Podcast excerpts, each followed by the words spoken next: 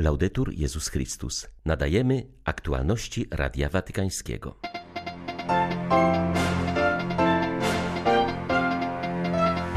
Synodalność jest wyrazem współodpowiedzialności za dobro wspólne i świętość Kościoła, podkreślił Franciszek w przesłaniu do papieskiej Komisji do Spraw Ameryki Łacińskiej. Arcybiskup Światosław Szewczuk w dzisiejszym orędziu zwrócił uwagę, że Ukraina powstrzymuje rosyjskie zbrodnie, aby nie szerzyły się na cały świat, ale do pokonania zła potrzebuje sprzymierzeńców i pomocy. Troska o środowisko oraz promocja gospodarki przyjaznej człowiekowi to dwa tematy, które stanowiły szczególne punkty troski Kościoła podczas zakończonego Światowego Szczytu Ekonomicznego w Davos. 26 maja witają Państwa Marek Krzysztofiak i ksiądz Krzysztof Ołdakowski. Zapraszamy na serwis informacyjny. Synodalność jest mocno zakorzeniona w sposobie myślenia i działania Kościoła w Ameryce Łacińskiej. Świadczy o tym obecność w refleksji pastoralnej takich pojęć jak komunia, uczestnictwo oraz nawrócenie duszpasterskie powiedział Franciszek w wideoprzesłaniu skierowanym do papieskiej Komisji do Spraw Ameryki Łacińskiej. Papież zwrócił uwagę, że synodalność jest wymiarem dynamicznym, wymiarem historycznym komunii kościelnej opartej na komunii trinitarnej, która, doceniając jednocześnie zmysł wiary całego świętego ludu Bożego, Kolegialność apostolską i jedność z następcą Piotra powinna ożywiać nawrócenie i reformę Kościoła na wszystkich poziomach. Komunia bez synodalności może łatwo popaść w niepożądaną stagnację i centralizm. Synodalność bez komunii może stać się kościelnym populizmem.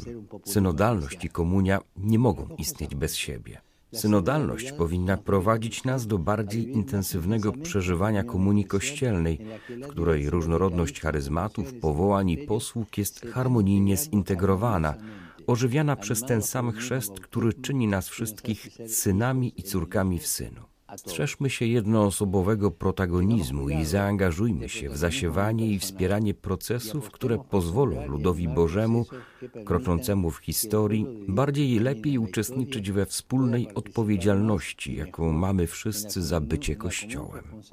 Wszyscy jesteśmy ludem Bożym. Wszyscy jesteśmy uczniami powołanymi do uczenia się i naśladowania Pana. Wszyscy jesteśmy współodpowiedzialni za dobro wspólne i świętość Kościoła. Opowiadanie to tkanina wykonana z niezniszczalnych wątków, która łączy wszystko i wszystkich, teraźniejszość i przeszłość i pozwala otworzyć się na przyszłość z uczuciami ufności i nadziei. Napisał papież w posłowiu do książki pod tytułem Tkanie świata – wielogłosowego dialogu na temat opowiadania historii jako drogi do zbawienia, która dzisiaj ukazuje się w księgarniach we Włoszech. Książka zawiera refleksje 44 autorów, wśród których znaleźli się pisarze, artyści, teologowie i dziennikarze na temat opowieści.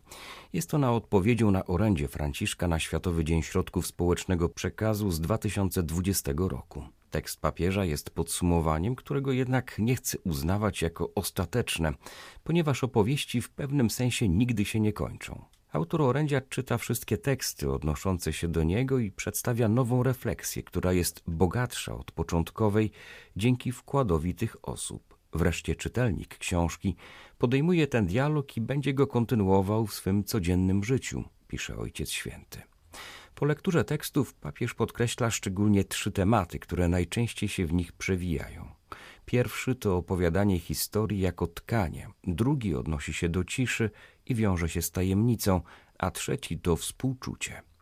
Opowiadamy nasze historie, ponieważ pragniemy, aby nas wysłuchano. Słuchamy opowieści, ponieważ odczuwamy potrzebę przynależności. Opowiadanie historii wykracza poza granice, przekracza granice, łamie stereotypy i daje nam dostęp do pełnego rozkwitu ludzkiego serca, napisał Franciszek.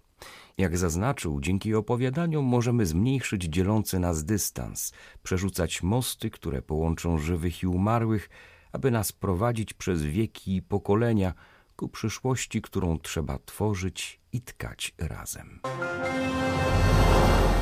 tych dniach naszymi myślami jesteśmy blisko ludzi na Ukrainie i modlimy się za tych, których życie jest zagrożone i niepewne. Błagajmy Pana o Jego pokój, napisał Franciszek w przesłaniu do uczestników Dni Niemieckich Katolików, które w tym roku odbywają się w Stuttgarcie. Franciszek obszernie wyjaśnia w nim chrześcijańskie znaczenie motta tegorocznych Katoliken tak dzielić życie. Papież zauważa, że Jezus nie tylko czymś się dzieli, On daje się nam cały. Na podobnej zasadzie również i my powinniśmy oddawać swe życie Bogu i innym. Ten dar z siebie można wyrażać na różne sposoby. Jego przejawem jest poświęcenie rodziców względem dziecka, a także postawa wielu osób zaangażowanych w posługę kościelną, czy ludzi, którzy pracują w sektorze społecznym lub charytatywnym. Również w czasie aktualnych kryzysów dostrzegamy wielką gotowość do poświęcania się dla innych. Papież zaznaczył, że taka postawa jest konieczna, ponieważ nikt nie może się uratować w pojedynkę, lecz wszyscy znajdujemy się na tej samej łodzi. Tylko razem możemy iść naprzód. Wzorem może być święty Marcin, który jest patronem diecezji, będącej gospodarzem tegorocznego katoliken tak. Bądźmy czujni, a szybko dostrzeżemy, gdzie jesteśmy potrzebni, napisał papież. Ukraina powstrzymuje dziś rosyjskie zbrodnie, aby nie szerzyły się na cały świat, ale potrzebuje sprzymierzeńców i pomocy, aby pokonać zło, mówił w codziennym orędziu arcybiskup Światosław Szewczuk.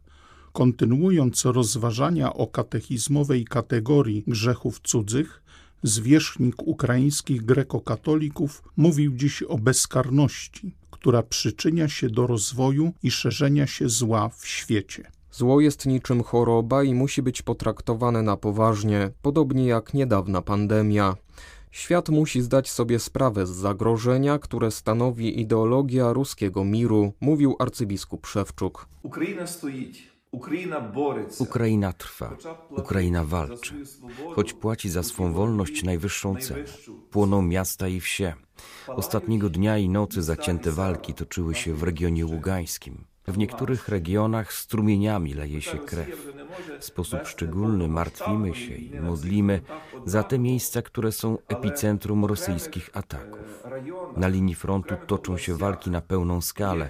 Bohatersko broni się południe Ukrainy. Ukraina modli się i prosi Pana Boga o siłę do przeciwstawienia się złu. Ukraina daje świadectwo wobec całego świata, że zło można i trzeba pokonać. Tylko razem ze wszystkimi uczciwymi ludźmi Ukraina będzie mogła przetrwać. My robimy dziś wszystko, aby rosyjskie zbrodnie wojenne nie rozszerzyły się na cały świat. Powstrzymujemy to zło, ale świat powinien zdać sobie sprawę z niebezpieczeństwa pandemii zbrodni wojennych, którym nadaje się nawet religijną motywację. Religijnymi jakimiś motywami. Na zakończonym dziś Światowym Forum Ekonomicznym w Davos debatowano nad skutkami, jakie dla gospodarki przyniosła pandemia oraz wojny w różnych miejscach kuli ziemskiej, zwłaszcza ta na Ukrainie. Nowością w tym roku był udział w spotkaniu wspólnot religijnych, w tym Kościoła katolickiego.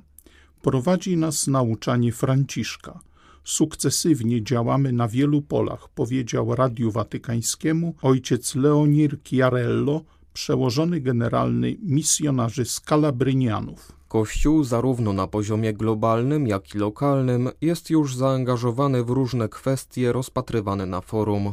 O priorytetach oraz o przykładach jego działania mówił uczestnikom spotkania ojciec Chiarello. Przyświeca nam w Kościele perspektywa zaproponowana przez papieża Franciszka w Laudato Si i Fratelli Tutti, dotycząca troski o środowisko i promowania gospodarki bardziej włączającej społecznie. Organizacje katolickie i zgromadzenia zakonne tworzą programy m.in. na rzecz tworzenia miejsc pracy, rozwoju, edukacji i opieki zdrowotnej, relacjonował swoje wystąpienie ojciec Chiarello.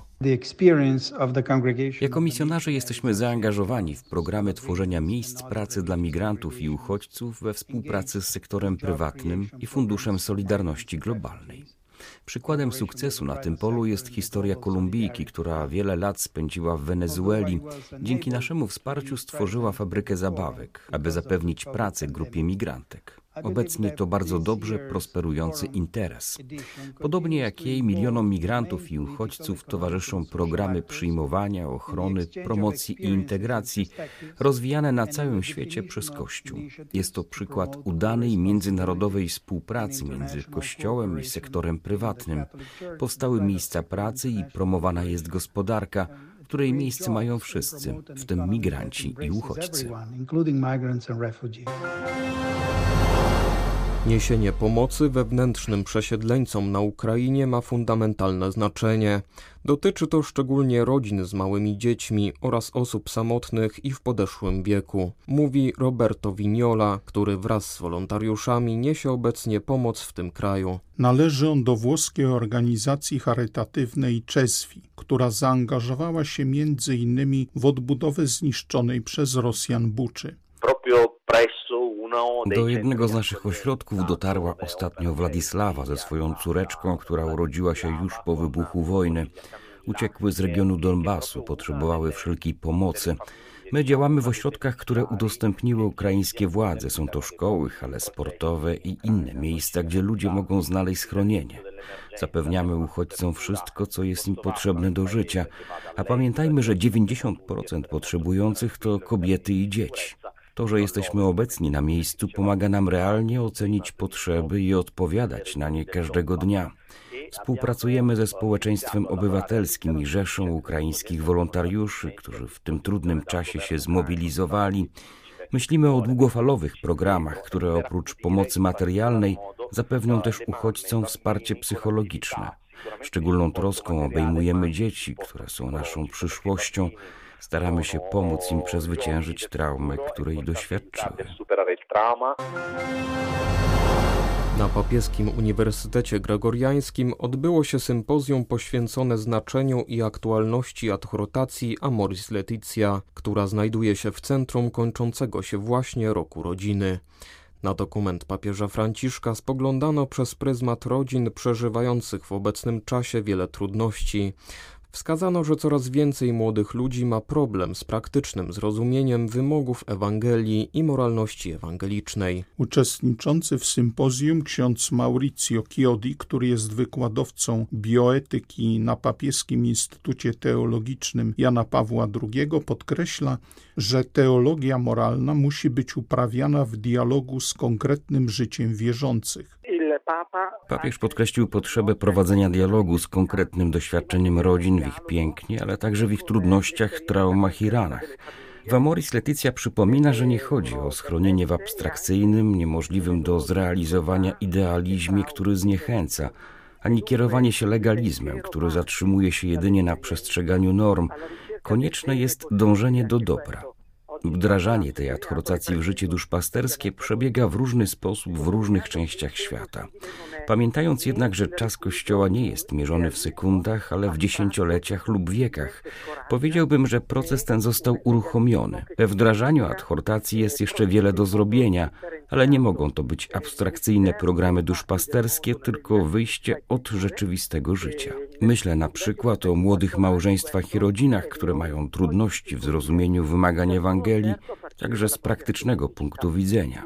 Chodzi o spojrzenie, które nie podkreśla tylko aspektów problematycznych, ale wychodzi naprzeciw ludziom, aby mogli rozpocząć drogę życia wiarą. Były to aktualności Radia Watykańskiego. Laudetur Jezus Chrystus.